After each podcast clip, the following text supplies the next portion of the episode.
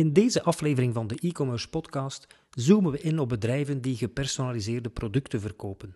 We zien in Vlaanderen flink wat kleinere spelers die hard werken om een plaats te veroveren in deze concurrentiële markt. Maar we gingen langs bij Smartphoto en belden met Name On It, twee ervaren spelers die een stevige plek hebben ingepalmd intussen. Ik ben Cies Scherpereel, e-commerce strateeg bij Max United. Welkom in alweer een nieuwe aflevering van de e-commerce podcast. Evelien Tonaar is al 13 jaar marketingmanager bij Smartphoto. Ze heeft het bedrijf dus zien groeien tot de innovatieve e-commerce groep die het vandaag is. De analoge filmrolletjes van Spector en de eerste fotoboeken van Extrafilm hebben sinds 2005 plaatsgemaakt voor gepersonaliseerde geschenken ja, die fotogeschenkenmarkt is een snel groeiende markt. Dat merken wij ook. Eerder klassieke fotoproducten zoals fotoboeken en kalenders iets redelijk machinaal. Daar staan wel mensen aan die machines natuurlijk. Maar op zich is dat een redelijk machinaal proces. Maar uiteraard, fotogeschenken, en we hebben er heel veel verschillende, is een heel erg manuele arbeid. We zetten wel in op automatisatie. In die zin, als we denken van oké, het heeft een meerwaarde voor de mensen in productie, Zoals bijvoorbeeld, nu wordt er heel sterk gekeken naar cobots, waar er gekeken wordt van, oké, kunnen we helpen met het liften of een repetitieve handeling? Kan die dan bijvoorbeeld door een cobot uitgevoerd worden in plaats van door, door dat effectief door een eh, productiemedewerker laten doen? Dus zo'n zaken. Er is een automatische productielijn voor de verpakking, dus alles wordt automatisch op de verpakkingslijn gezet, wat we eigenlijk ook niet zouden kunnen gedaan hebben, zo'n dergelijke investering, zonder de volumes die we nu hebben eigenlijk. Ik heb net een gegraveerd glas besteld een uurtje geleden. Welk parcours zal het glas afleggen?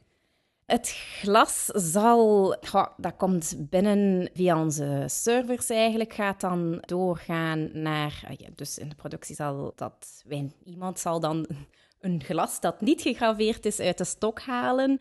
Dat zal dan in de graveringsmachine gestoken worden. Dat gebeurt dan wel door een machine uiteraard. En dan daarna wordt die ook weer manueel eruit gehaald. En ga ervan uit, maar dat weet ik nu niet 100% zeker, dat ze ook manueel verpakt zal worden, aangezien het een, een toch wel breekbaar materiaal zal zijn. Ik pik er nu zo'n glas uit, maar ik zie op jullie productoverzicht ja, van aanstekers tot zeeppompjes. Ja, dat is een gigantisch aanbod. Hè. Is dat een sterkte in de markt om zo'n breed aanbod te hebben? Ja, dat is ook een van de, onze USP's, dat we echt wel inzetten op zo'n breed fotogramma.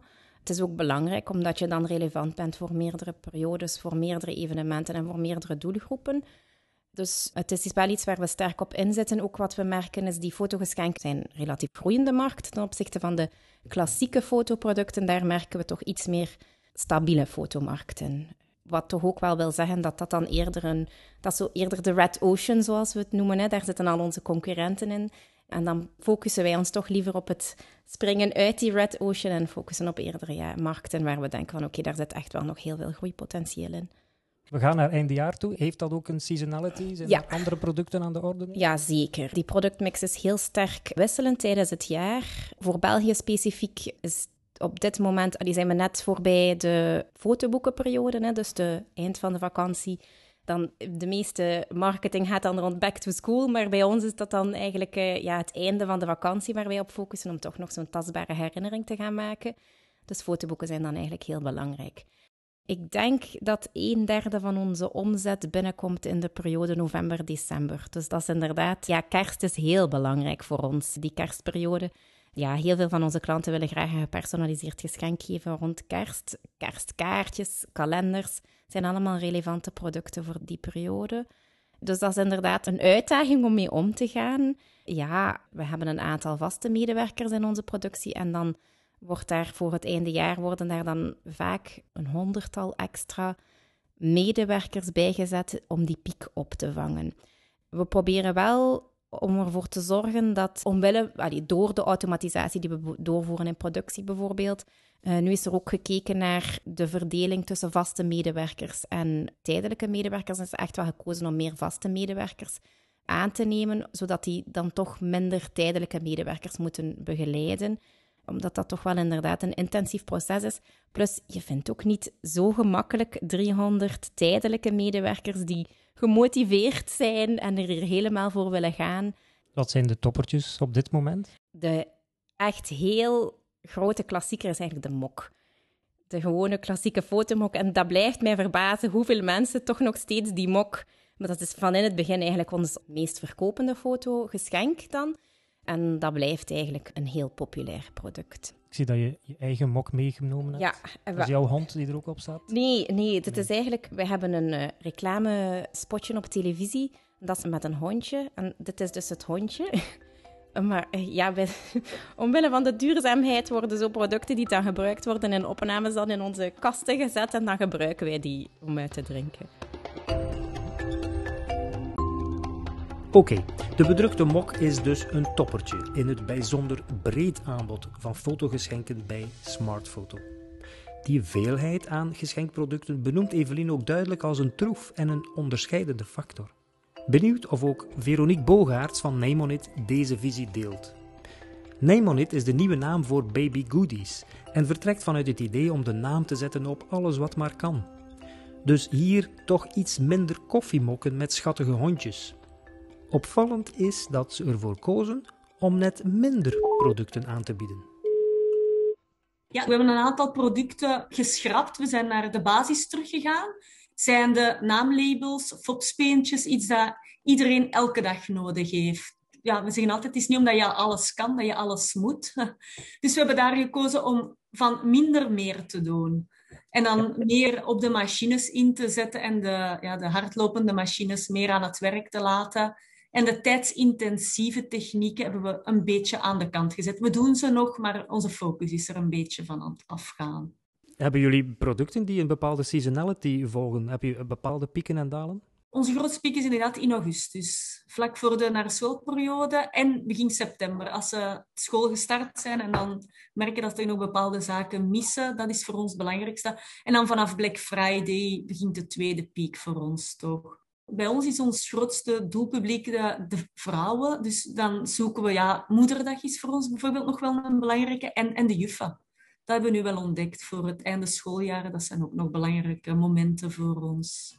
Heb je een idee van het gemiddelde winkelmandje? Bij ons is dat rond de 27 à 30 euro. En gratis verzending vanaf 30 euro, dacht ik. Ja. Dat is daarop een beetje afgestemd. Mocht je die gratis verzending op 50 euro zetten, denk je dat je dan meer verkoopt?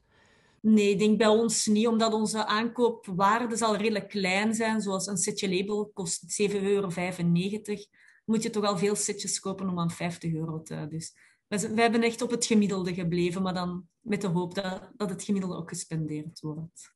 Hoeveel uh, gaan er zo de deur uit? Van bestellingen hebben wij, uh, ik denk 150 bestellingen per dag. Het zijn ongeveer 1200 uh, eh, productjes per dag dat wij maken.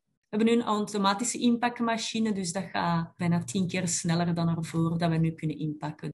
En kan je de pieken opvangen met extra personeel, flexijobs of heel veel studenten. We hebben het geluk dat onze piek in augustus is, dus dat ik heel veel studenten kan in.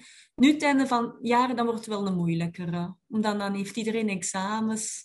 Dan zijn het meer de flexijobbers dat wij, ja. wij kunnen gebruiken, ja. Waar zit automatisatie voor jullie vooral in? Want het is ook wel, denk ik, heel vaak een heel manueel proces. Het is inderdaad een manueel proces. Maar wat we nu in, onze website, alles wat besteld wordt, wordt uh, gedownload in bulk door onze mensen achter de computer. Dus ze bekijken het dan nog wel. Ze zetten misschien moet er links en rechts nog iets verschoven worden. En dan gaat het in mallen tegelijk naar onze machines. Dus het is niet dat wij, zoals in het begin wel, dan deden we productje per productje. Maar nu kunnen we echt grote downloads doen van verschillende producten. Dus daar winnen we wel heel veel tijd mee. Terug naar Evelien Tonaar bij Smartfoto. Naast het grote aanbod spelen ze ook met de USP 100% Belgisch. Maar hoe Belgisch is smartfoto? En hoe sterk speelt deze USP in een internationaal perspectief? We zijn eigenlijk actief in 12 Europese landen. Maar alles daarvoor wordt wel hier geproduceerd. Dit is eigenlijk ons hoofd. Hier in België in Wetteren is ons hoofdkantoor.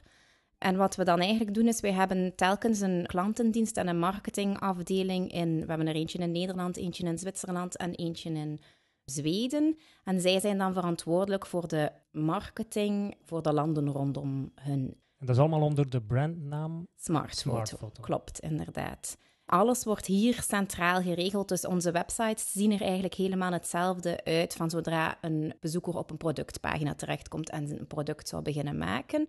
Maar alles wat daarvoor komt, een homepage, een campagnepagina, een landingspagina, wordt eigenlijk gemaakt door de lokale markten. En iedere markt maakt daarin zijn afstemming afhankelijk van welk evenement er op dat moment eigenlijk belangrijk is voor die specifieke markt. Dus er is een smartfoto.fr, een smartfoto.se, een smartfoto.ch en zo zijn er twaalf. En de herfstactie die ik nu zie op de Belgische site, die is niet noodzakelijk ook op de Zweedse versie te zien. Nee, klopt inderdaad. Zij zullen zich waarschijnlijk richten op andere producten dan waar wij nu de focus op leggen. Ze zullen ook kijken welke evenementen er in hun land op dat moment belangrijk zijn. Dat kan wel eens verschillen. Ik denk dat Vaderdag is bij ons in het voorjaar en in Zweden meer in het najaar, denk ik.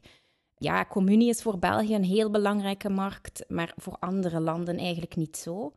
Dus ieder land heeft zowel zijn eigen productmix en zijn eigen communicatie die daarop afgestemd is. En ook zijn eigen uh, prijszetting waarschijnlijk? Ja, ja, daar wordt inderdaad gekeken naar wat de andere lokale spelers op dat moment aanbieden. En dat wordt daarop afgestemd. En ook de promoties worden daarop afgestemd. Dan denk ik ook nog mee verder. Courierdiensten zijn andere uiteraard per land. Verzendkosten, zijn daar significante verschillen? Ja, en dat wordt ook volledig uitgerekend afhankelijk van wat de concurrenten in die markten gaan vragen en afhankelijk van wat de overeenkomsten zijn met de leveranciersdiensten voor ieder land. Dus dan wordt dat zo berekend om te gaan kijken van ja, oké, hoeveel marge kunnen we daar dan nog op gaan halen. Wordt dat dan centraal van hieruit gecoördineerd of hebben ze heel veel vrijheid in de landen zelf? Ze hebben daar eigenlijk redelijk veel vrijheid in. Die kennis zit eigenlijk in de markten. Hè. Dat is ook ja, iets waar zij ook veel meer culturele gevoeligheid voor gaan hebben dan als dat iets is dat je centraal zou gaan bepalen. Wat we wel centraal bepalen is de merksetting, de tone of voice die we gaan gebruiken. Dat zijn zaken die centraal worden bepaald. Maar als het echt gaat over promotievoering of prijszetting, is dat toch iets dat meer met kennis in de lokale markten wordt bepaald. Hier in Wetteren heb je met de twee fabriekssites dan de mogelijkheid om alle producten te produceren? Of is dat ook een beetje regionaal verdeeld over de Europese plants? Alles wordt hier eigenlijk in Wetter geproduceerd voor alle landen. We hebben daar wel nog naar gekeken, omdat we weten dat binnen de e-commerce sector is een snelle levering is heel belangrijk. In België kunnen we dat garanderen, omdat we uiteraard hier produceren. Maar ja, voor landen zoals Zweden is dat niet zo'n evidentie. Ja, dat moet een hele weg afleggen. We hebben dat wel al uitgerekend. Waar moesten we nu echt zeggen van oké, voor enkele high runners moesten we nu kleine satellietproductiefaciliteiten gaan opzetten. En dat we daar dan een besparing doen in wat we moeten betalen aan de leveranciersdiensten, omdat zo. Maar uiteindelijk kwam het er dan toch op neer dat, dat het vanuit wetteren produceren toch nog steeds voor ons voordeliger is dan dat we het in de markten gaan produceren. Wat we wel doen is, voor een aantal producten zorgen we voor een snelle levering, maar dat is dan vooral gefocust op snelheid in productie. Dus daar gaan we dan wel naar gaan kijken, van sommige producten worden voorgenomen en daar gaan we dan wel op gaan communiceren dat ze een snelle levering hebben. Bijvoorbeeld voor Frankrijk is dat dan niet een next day, maar kunnen we wel zeggen van oké, het is wel een 48 uur levering. En dat omwille van het feit dat ze hier sneller in productie worden voorgenomen. Is dat een red race om ja, tegen de klok die dingen te kunnen produceren en te leveren? Ja, dat klopt inderdaad. Dus we zeggen wel op de website inderdaad bestellen voor vier uur. Dus dan zit hier nog iemand klaar om ervoor te zorgen in productie dat die inderdaad, voordat de leveranciersdienst vertrekt, eigenlijk, dat die allemaal worden meegenomen. Bij de internationale focus is het belangrijk om een balans te vinden tussen marktinzichten en operationele efficiëntie. Sinds de nieuwe naam kijken ze bij Name On It ook slim over die Belgische grenzen heen. Duitsland is een markt dat we nu aan het aanboren zijn. Frankrijk, Oostenrijk, dat zijn voor ons nu belangrijke markten aan het worden. En wat moet ik mij daarbij voorstellen? Kan je ons even meenemen? Stel, ja, op een dag zeg je, we gaan Duitsland veroveren, of Frankrijk. Hoe, hoe, hoe start je daarmee? Doe je dan een grondig onderzoek, of zeg je, nee, we springen in dat bad, we zien wel? Ja, we hebben natuurlijk wel marktonderzoek gedaan, maar we hebben toch ook veel moeten testen. Kijken waar dat onze campagnes aanslagen en waar niet. Zo hebben we bepaalde landen toch terug moeten uitzetten of of wat budgetten, marketingbudgetten verschoven van het ene land waar dat minder goed loopt naar landen waar het, waar het beter loopt voor ons. Nu, kan voor iedereen anders zijn natuurlijk. Dat was typisch voor onze producten. En het begint ook natuurlijk met goede verzendcontracten bij de, bij de couriers. Hè. Ja. Dus uh, vandaar, wij weten ook hoe groot en hoe hoog dat onze dozen mogen zijn. En daar hebben we dan ja, goede, goede contracten mee kunnen bedingen. Dus je meldt dat onmiddellijk als een belangrijk element. Is dat het logistieke, het verzenden, het uh, verpakken, is dat een heel belangrijk component in dat internationaal verhaal? Wij, wij vinden toch van wel ook... snelheid begint iets minder belangrijker te worden bij de consument, maar ja, dag plus één, dus we kunnen nu in de andere landen kunnen we dat ook niet aanbieden. Daar is dag plus twee, drie. Maar, maar dat aanvaarden ze wel. Maar soms is het echt heel duur om naar bepaalde landen te verzenden. Dus wij weten nu, ja, kleine pakjes, dat gaat er gewoon heel gemakkelijk mee door. En dat, dat kunnen we kostenefficiënt verzenden naar uh, heel Europa.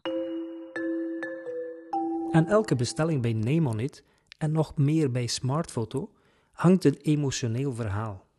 Het is dan ook de uitdaging om binnen die internationale context en ook met een mix van manueel werk en automatisatie in die productie te beantwoorden aan de wensen van de klant. Want Evelien, die lat wordt toch alsmaar hoger gelegd? De lat wordt inderdaad omwille van de sector redelijk hoog gelegd. En bij ons is er natuurlijk ook nog de uitdaging dat het product wel degelijk hier moet geproduceerd worden. Het is geen off-the-shelf product. Het moet een bepaald productieproces doorlopen. Bijvoorbeeld een fotoboek. Dat moet even toeleggen, want die lijm moet drogen.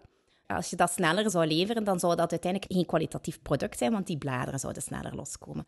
Dus je moet heel goed de afweging maken van oké, op welk product is het mogelijk en op welk product zeggen we echt van ja, oké, dat moet zijn proces doorlopen. Nu, ik denk dan als consument, en ik heb het over die emotionele waarde van een product. Ik lees bijzonder veel super positieve reviews op Trustpilot. En de enkele negatieve gaan over ja, een misgelopen order. Dat kan altijd voorkomen, uiteraard. Hebben jullie daar ook op ingezet om naar productieflow, naar automatisatie, om daar toch elke seconde te kunnen winnen, bij manier van spreken? We zetten heel erg in op klanttevredenheid. Dus die klanttevredenheid is erg belangrijk voor ons. Uiteraard zijn er inderdaad soms gevallen waarbij je zegt van oké, ik, ben niet, ik heb niet volledig de verwachtingen in kunnen lossen. Daarom hebben we bijvoorbeeld ook die smart garantie. Als we zeggen van, zelfs als het niet onze fout is, maar bijvoorbeeld de klant heeft een typfoutje gemaakt op zijn of haar communicaartje, of er is een foutje geslopen in een fotoboek, bijvoorbeeld de, oma staat er toevallig net niet in of zo, dan bieden we inderdaad die smart garantie aan, dat we echt zeggen van oké, ook als er bij de klant iets fout gelopen is, ook dan bieden we eigenlijk die gratis reprint aan. En dan daarnaast heeft onze klantendienst eigenlijk ook wel de vrijheid om als er vragen binnenkomen, om bijvoorbeeld te zeggen van oké, we, gaan, we gaan wel eens vragen aan een productieafdeling om een bepaald product voor te nemen. Ook is dat niet altijd even efficiënt. Of we gaan een product eruit gaan nemen en de klant de, mogelijkheid geven om het hier op te komen halen als we echt weten van oké, het zal niet op tijd komen met de post.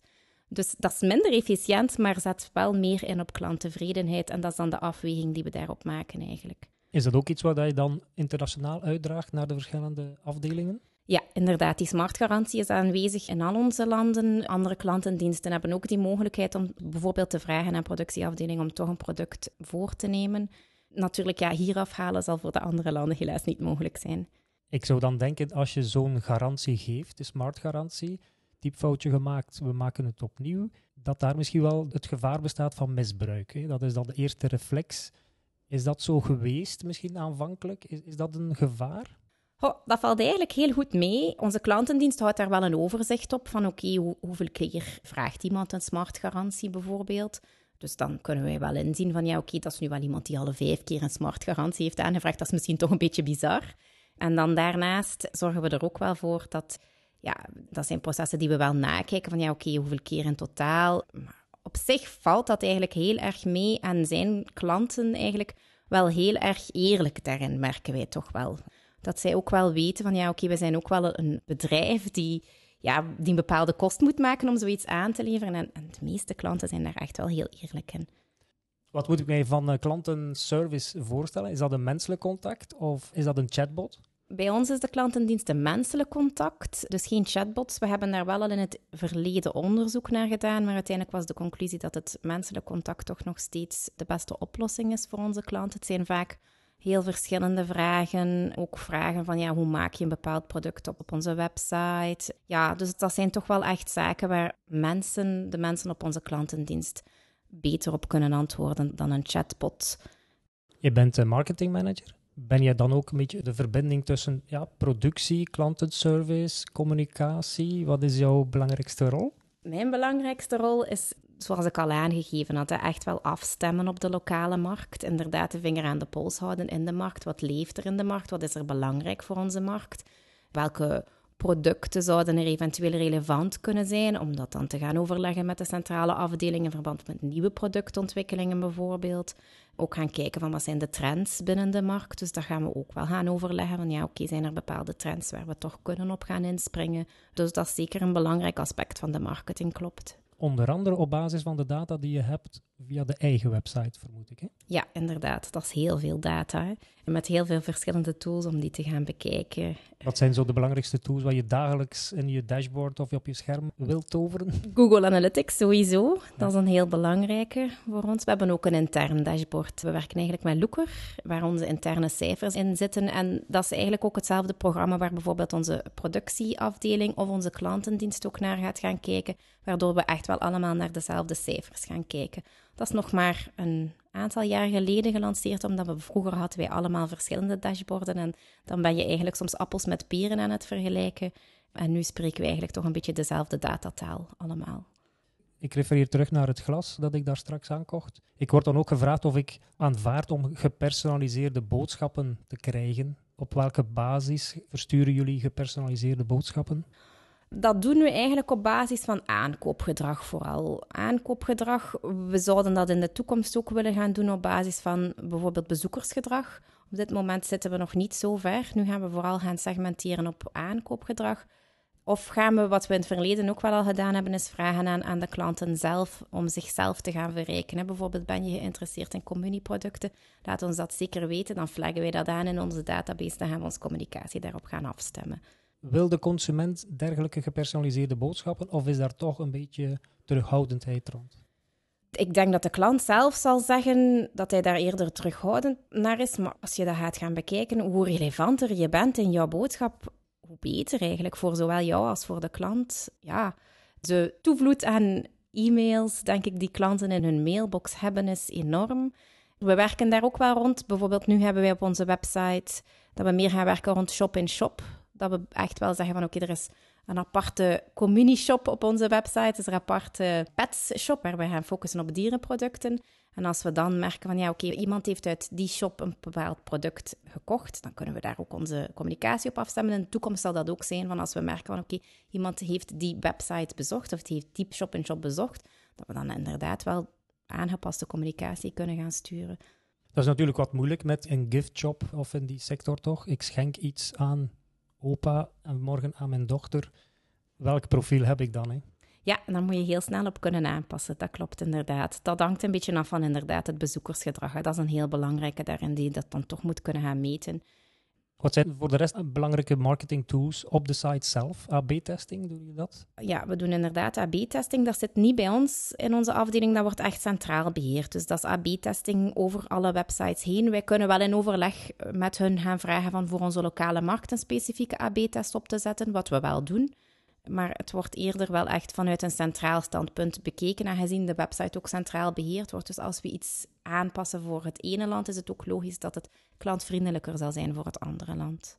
Dan denk ik ook aan content, want het viel me op dat de herfstactie die nu actief is, overal de eerste foto is op de productpagina.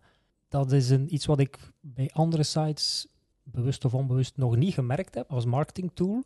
Is dat iets wat je al lang actief hebt, zoiets, geprobeerd hebt? Heeft dat effect? Ja, dat is effectief getest geweest met een AB-test. Eh, een tijdje, ja, ik denk een aantal jaar geleden hebben we dat getest. Van um, oké, als we op de homepage een bepaalde promotie communiceren in met een bepaalde look en feel.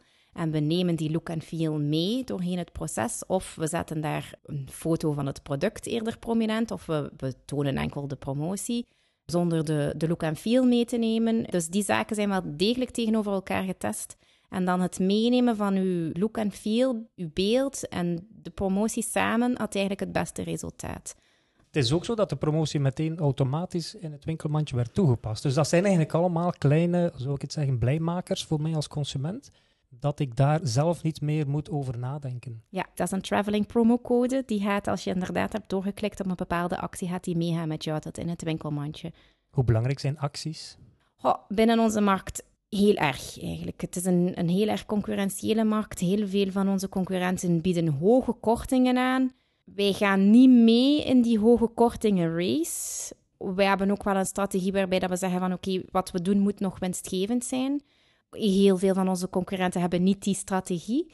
Maar je merkt toch wel van, ja, oké, je moet op een bepaald moment zelf een beetje kunnen levelen met je concurrentie. Dus we bieden wel regelmatig acties aan.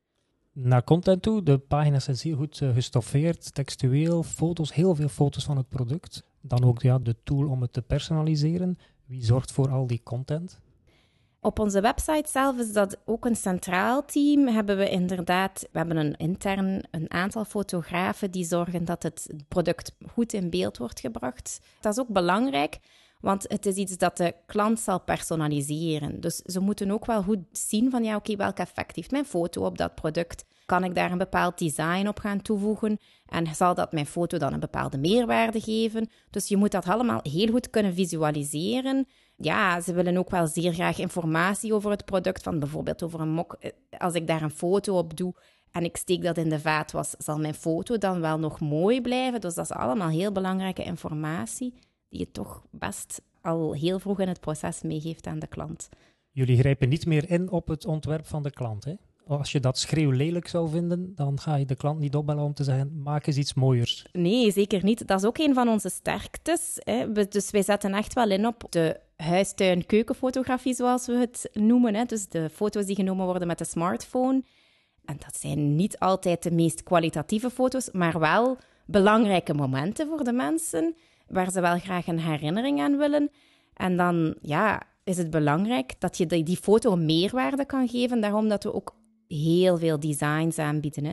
Dat we echt wel zeggen van ja, oké, misschien is die foto niet van topkwaliteit, maar als je dat combineert met een schoon design of je zet die foto in een bepaalde collage, dan zal dat wel een uiteindelijk mooi product zijn. De consument wil zekerheid over het product, de bedrukking, de levering en dat alles in een context van geschenken en tijdsdruk. Dat speelt ook bij Name On It. Hoe zit de klantenservice daar in elkaar? Eén iemand kan dat en we doen alles via telefoon. We hebben nu ook de chat opnieuw geïnstalleerd, wat een tijdje afgezet. Maar eigenlijk werkt dat wel heel goed. En de e-mail. En dat we ook merken via ons Facebookpagina, Instagram, krijgen we ook nog heel veel klantenvragen opnieuw in dat internationaal kader, hè, er kan wel eens een Zwitser, ik weet niet of dat ze in het Servo-Kroatisch naar u gaan mailen of zo, eh, maar er komen wel andere talen dan aan de orde. Is dat iets wat jullie opvangen met, uh, met vertaalsoftware of wat dan ook? Ja, dan gebruik ik Diepel uh, gewoon op... en als er een telefoon is, proberen we het uit te leggen in ons beste, ja, ik weet niet, Engels, soms Duits, om te vragen dat ze toch een mail kunnen sturen, dat we dat iets meer op het gemak kunnen, kunnen beantwoorden, want inderdaad, we kennen niet alle talen. Het voordeel is dat je met een heel emotioneel product te maken hebt. Hè. Misschien nog niet zo emotioneel als een fotoalbum van Smartfoto bijvoorbeeld, maar toch, het gaat om die kinderen en zo. Helpt dat in de klantencommunicatie, dat je klanten eigenlijk in een emotioneel verhaal kunt meehelpen en dat ze eigenlijk wel ja, toegeeflijk zijn, toegankelijk zijn, begrip hebben voor bepaalde zaken waar klantenservice moet in tussenkomen? Ja, we merken dat wel. Ja. En meestal, allee, de, de vragen proberen we zo goed mogelijk en zo snel mogelijk ook. Want dan, dan is snelheid wel belangrijk, vind ik. Zijn er veel klanten die terugkomen? Ja, dat hebben we wel gemerkt. Daar hebben we nu onderzoek naar gedaan sinds de naamverandering. Omdat we zoiets hadden, gaan ze ons nog vinden of niet? En, en we merken wel veel terugkerende klanten. Ook veel nieuwe klanten, waar we heel blij mee zijn. Maar we zijn ook blij dat klanten toch nog eens opnieuw bij ons voor het broertje, zusje of, of eventueel een ander familielint komen kopen. Ja. En doe je daar actief iets voor? E-mailingcampagnes, whatever? Ja, we hebben ook onze e-mailcampagnes aangepast, dat we die ook personaliseren. Dus klanten worden nu persoonlijk aangesproken, maar zelfs binnen in de e-mail uh, personaliseren wij het product. Dat doen we nu niet in elke e-mailcampagne, maar dat we als we brooddoosjes promoten en we weten de naam van het kindje, zetten we dat ook op die brooddoos in hun mailing. Dus. En merk je door die mailings te personaliseren, met die foto's ook zelf te gaan uh, aanpassen, dat daar meer rendement uit te halen is? Ja, dan, dan want dan zijn mensen meer betrokken. Hè. Dan gaan ze toch rapper ook uh, op, op klikken. Nu, natuurlijk, ze moeten eerst de mail al openen. Dus in uw titel ga je ze al moeten pakken. Maar dan ene keer dat ze het open gedaan hebben, dan, dan, komt het, dan gaan ze er rapper op klikken. Dat merken we inderdaad. De e-mailberichten met persoonlijke productfoto's zijn een goede zet geweest om de consumenten vanuit die emotionele betrokkenheid binnen te halen en terug te laten komen.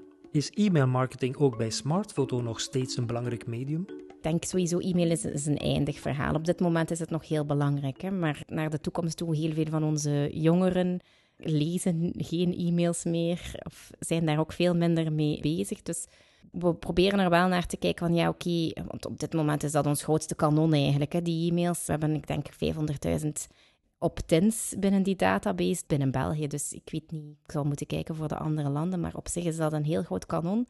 Maar ja, uiteindelijk naar de toekomst toe moet je inderdaad gaan kijken van uh, welke kanalen kan je gebruiken om die mix te gaan uit, uit te breiden. Op dit moment doen we dat uiteraard al. We zetten ook heel sterk in op sociale media.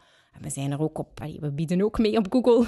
Maar ja, het blijft natuurlijk kijken van ja, oké, welk relevant communicatiemiddel heeft dezelfde impact. Wij sturen ook bijvoorbeeld ook direct mailings uit via de post. Dus zo'n zaken zijn ook wel, zitten mee in onze communicatiemix. We doen een, een, communicatie binnen onze pakketten, zit er ook een communicatie van ons. Dus we zetten wel in op een hele brede communicatiemix. Het profiel van de bezoeker of de koper is ook heel divers, denk ik dan. Klopt dat dan? Of? Onze hoofddoelgroep zijn eigenlijk mama's of ja, families met jongere kinderen. Daar merken we toch wel aan van die hebben net iets meer nood aan het tastbaar maken van die herinneringen op dat moment. Zullen ook iets sneller terugkomen omdat ze meer relevante momenten hebben. Dus het meeste van onze communicatie is daarop afgestemd. Zij het wel dat we dan met die shop-in-shops wel proberen om ook de communicatie af te gaan stemmen op een bepaald moment of op de gelegenheid waarvoor de bezoeker eigenlijk tot bij ons komt. Ik heb hier ook als afsluiter nog een, een vierluik wat ik jou wil uh, voorschotelen. Als we willen optimaliseren, dan denk ik altijd aan vier stappen. Meer bezoekers halen, meer conversie halen, het ticket verhogen en dan ook die recurrentie. Ik denk dat jullie doelgroep ook wel heel interessant is naar recurrente aankopen. Waar zetten jullie het meeste op in vandaag? Wij zetten voornamelijk in, het is een beetje een tweeluik bij ons. Langs de ene kant zetten we in op het meer relevanter zijn doorheen het jaar. Dus dat we ook wel ons productengamma gaan uitbreiden met producten die belangrijk zijn voor geboorte, verjaardag. Eh, zodat er minder wordt gefocust op echt die piekmomenten of die one-time events, zoals Moederdag of Kerst bijvoorbeeld. En dan daarnaast proberen we ook wel echt doelgroepuitbreiding te gaan doen. Bijvoorbeeld nu, ah, een tijdje geleden, twee jaar geleden al, hebben we een, een groot petsgamma geïntroduceerd, dus een huisdierengamma. En dan daarnaast, nu bijvoorbeeld, bieden we ook sinds kort video's aan die je kan toevoegen aan je product. Dus dat is een soort augmented reality. Als je jouw product met de foto erop krijgt, dat je dan met jouw smartphone het product kan scannen en dan dat er een videootje op jouw telefoon wordt afgespeeld. Wat dan meer belangrijk is voor zo de echt special occasions. Voor bijvoorbeeld een aanvraag voor meter of peter voor een trouw. Voor zo'n zaken. Is dat ehm, recent erop geplaatst? Ja, ja ik denk... zijn er al resultaten over? Of? Oeh, het is nog vroeg. We moeten de campagne er ook nog voor uitrollen. Dus nu zit dat zo'n beetje in, in zijn uh, babyfase, laat het mij zo zeggen. Dus ik hoop dat, daar, ja, dat we daar tegen volgend jaar toch wel al mooie resultaten mee behaald hebben dan komt het cadeautje echt wel tot leven. Ja, inderdaad. Heel mooi. Bedankt Veronique en Evelien voor de tips en de inzichten. Ook opnieuw een dikke merci aan Bpost en aan Molly om de e-commerce podcast te steunen. Blijf ons volgen en delen en contacteer me gerust als je met een e-commerce uitdaging worstelt. Via LinkedIn of via maxunited.be.